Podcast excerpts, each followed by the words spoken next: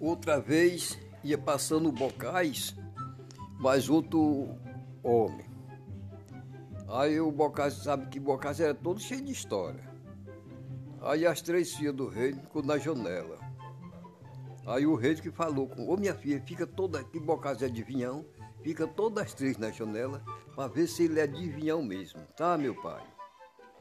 Aí ia, ia passando, montado, aí suviando, aí para ver se ele era adivinhão mesmo, aí o, o rei ficou de trás da porta e as três filhas na janela. Aí ela falou, ô Bocais, diz quem tá aqui.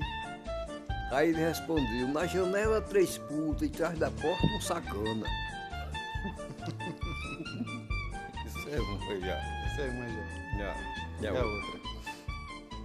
Aí outra vez passou o Bocais, mais outro homem. Aí o homem tinha uma barrigona.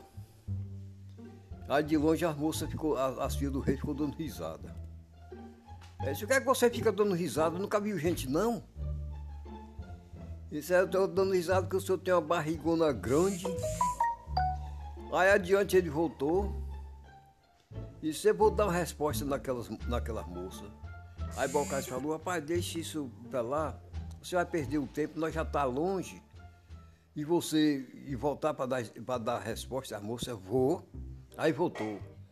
Isso é o que que vocês falou comigo?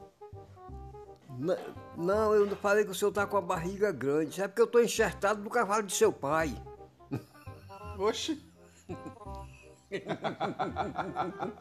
É, resposta desgamada. Essa foi a resposta, ele se complicou mais ainda com a complicou. resposta.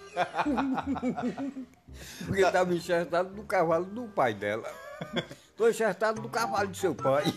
Tá vendo, Sul, as piadas do velho?